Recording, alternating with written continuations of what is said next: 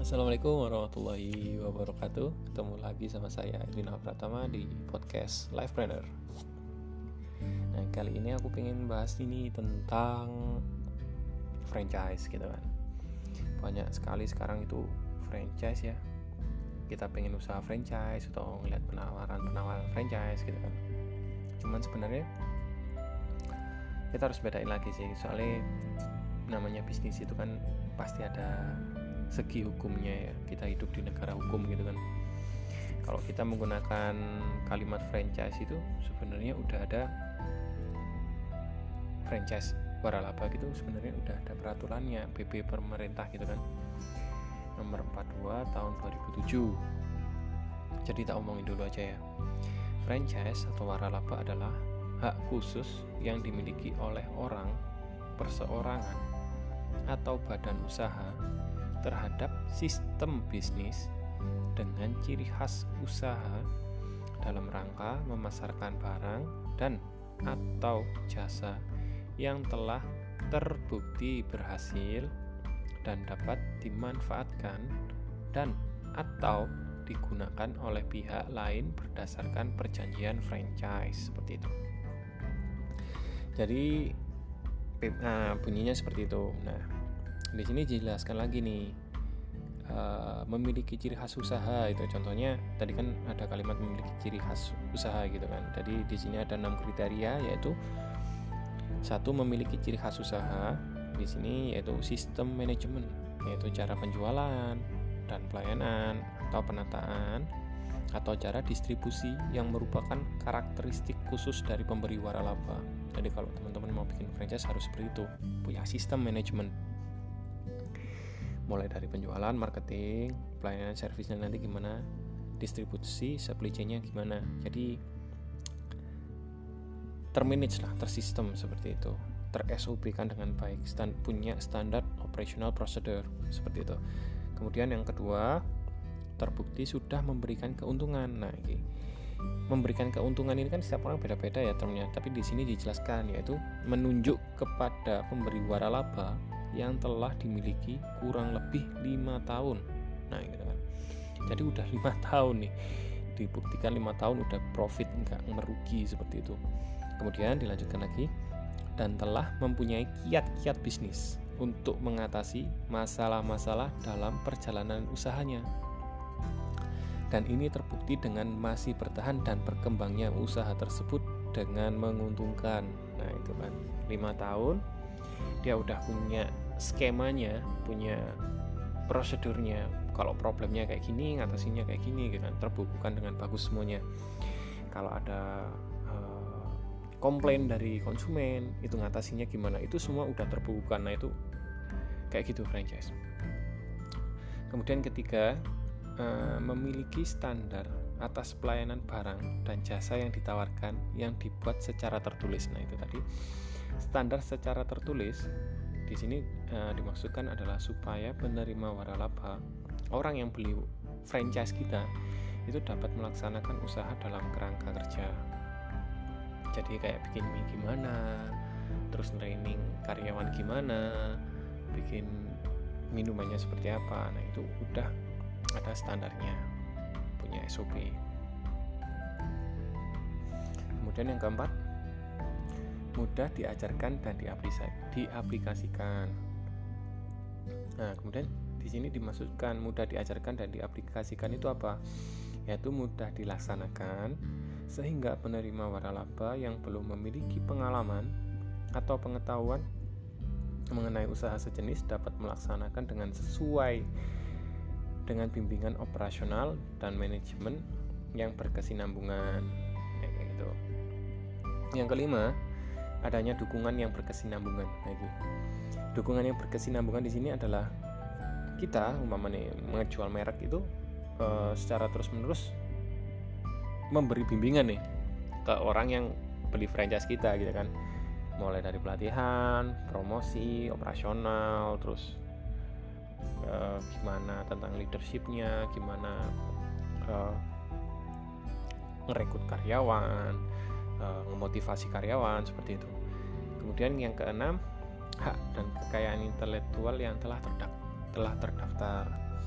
Nah, penjelasan tentang hak kekayaan intelektual adalah di sini harus mereknya itu emang harus terdaftar, yaitu merek, hak cipta, hak paten, rahasia dagang sudah didaftarkan dan mempunyai sertifikat atau sedang dalam proses pendaftaran di instansi yang berwenang. Kalau teman-teman ingin daftar eh, tentang haki, teman-teman bisa aja browsing di paten online. Kalau nggak salah bisa di search di Instagram aku pernah menggunakannya di paten online.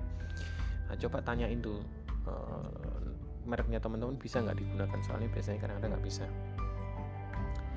Kemudian nomor 7 uh, eh, prospektus terdaftar. Nah ini uh, maksudnya adalah prospektusnya harus didaftarkan kepada Kementerian Perdagangan. Kemudian sudah memiliki surat tanda pendaftaran waralaba yang berlaku selama lima tahun. Nah kayak gitu itu tadi. Ribet ribet banget. Cuman kalau pengen uh, berjalan menjadi sebuah franchise ya emang gitu uh, toolsnya. Maksudnya step by step yang harus dipakai harus seperti itu. Kalau kita menggunakan term franchise itu tadi waralaba. Cuman lo mas kok sekarang banyak banget ya usaha-usaha sehingga nggak pernah dengar tiba-tiba no waralaba nih. Nah itu beda itu bukan franchise itu jatuhnya kemitraan. Karena banyak-banyak tem kemitraan business opportunity kayak gitu kan. Nah itu bisa bisa digunakan kayak gitu. Nah sistem kemitraan ini kayak gimana? Ini berdasarkan pengalaman gua yo jadi aku menjelaskannya sesimpel mungkin dengan bahasa yang mudah dicerna. Itu kan tadi aku benar-benar membaca PP jadi bahasaku emang agak kaku. Jadi gini kalau kita mau bikin kemitraan teman-teman aku uh, menggunakan teman-teman udah punya usaha yang berjalan ya? Belum bukan usaha yang belum berjalan. Aku menganggapnya teman-teman udah usaha mungkin itu tiga bulan enam bulan 9 bulan ataupun satu tahun. Nah caranya gimana mas kalau orang pingin bermitra dengan kita? Anggap aja aku jualan bakso ya. Aku jualan bakso aku punya outlet. Kemudian eh, tiba-tiba ada orang datang ngomong kayak gini. Mas aku kepingin uh, jual uh, jualan bakso kok sampean tapi pakai mereknya sampean kayak gitu. Bisa nggak mas terus dipikir-pikir-pikir oh bisa mas kayak gini gitu ini term pertama ya. Mas sediain aja wis tempatnya. Tempatnya di mana nanti saya uh, saya survei. Alat-alat resep semua toko aku. Mas mek nyediain tempat tok. Nah itu bisa. Tapi mas keuntungannya 10% kayak sampean ya kayak gitu.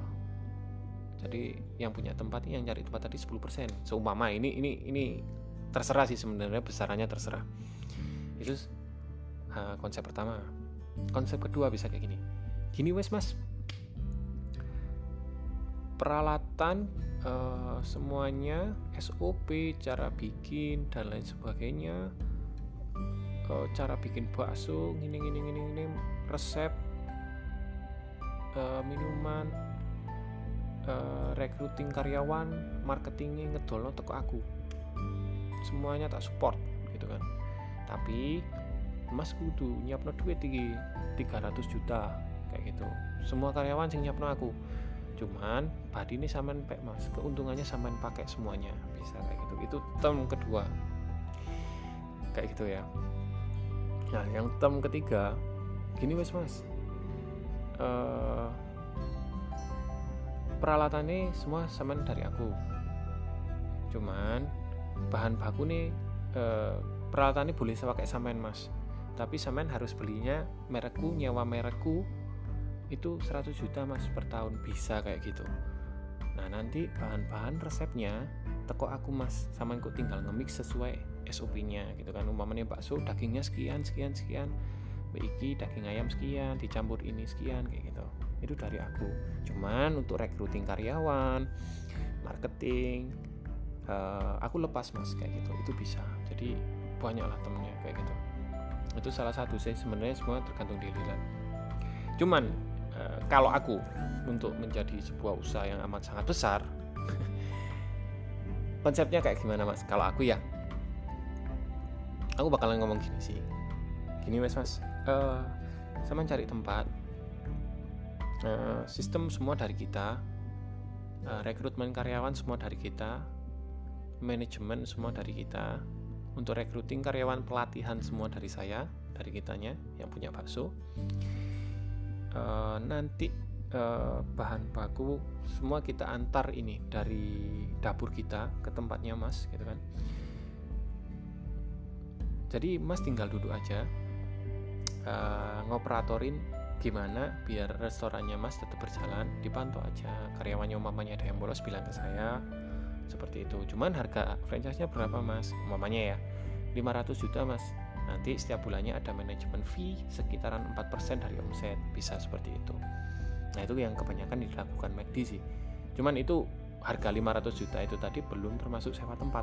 Eh belum termasuk tempat gitu kan. Nah, tempat itu disediakan siapa ya yang punya yang mau jadi partner kita itu tadi. Jadi partner kita membayar 500 juta kasarannya kayak gitu. Terus rekrutmen semua dari kita uh, bahan baku semua dari kita gitu kan. Uh, timeline marketing itu dari pusat dari kita kayak gitu. dia cuma tinggal ngejalanin aja.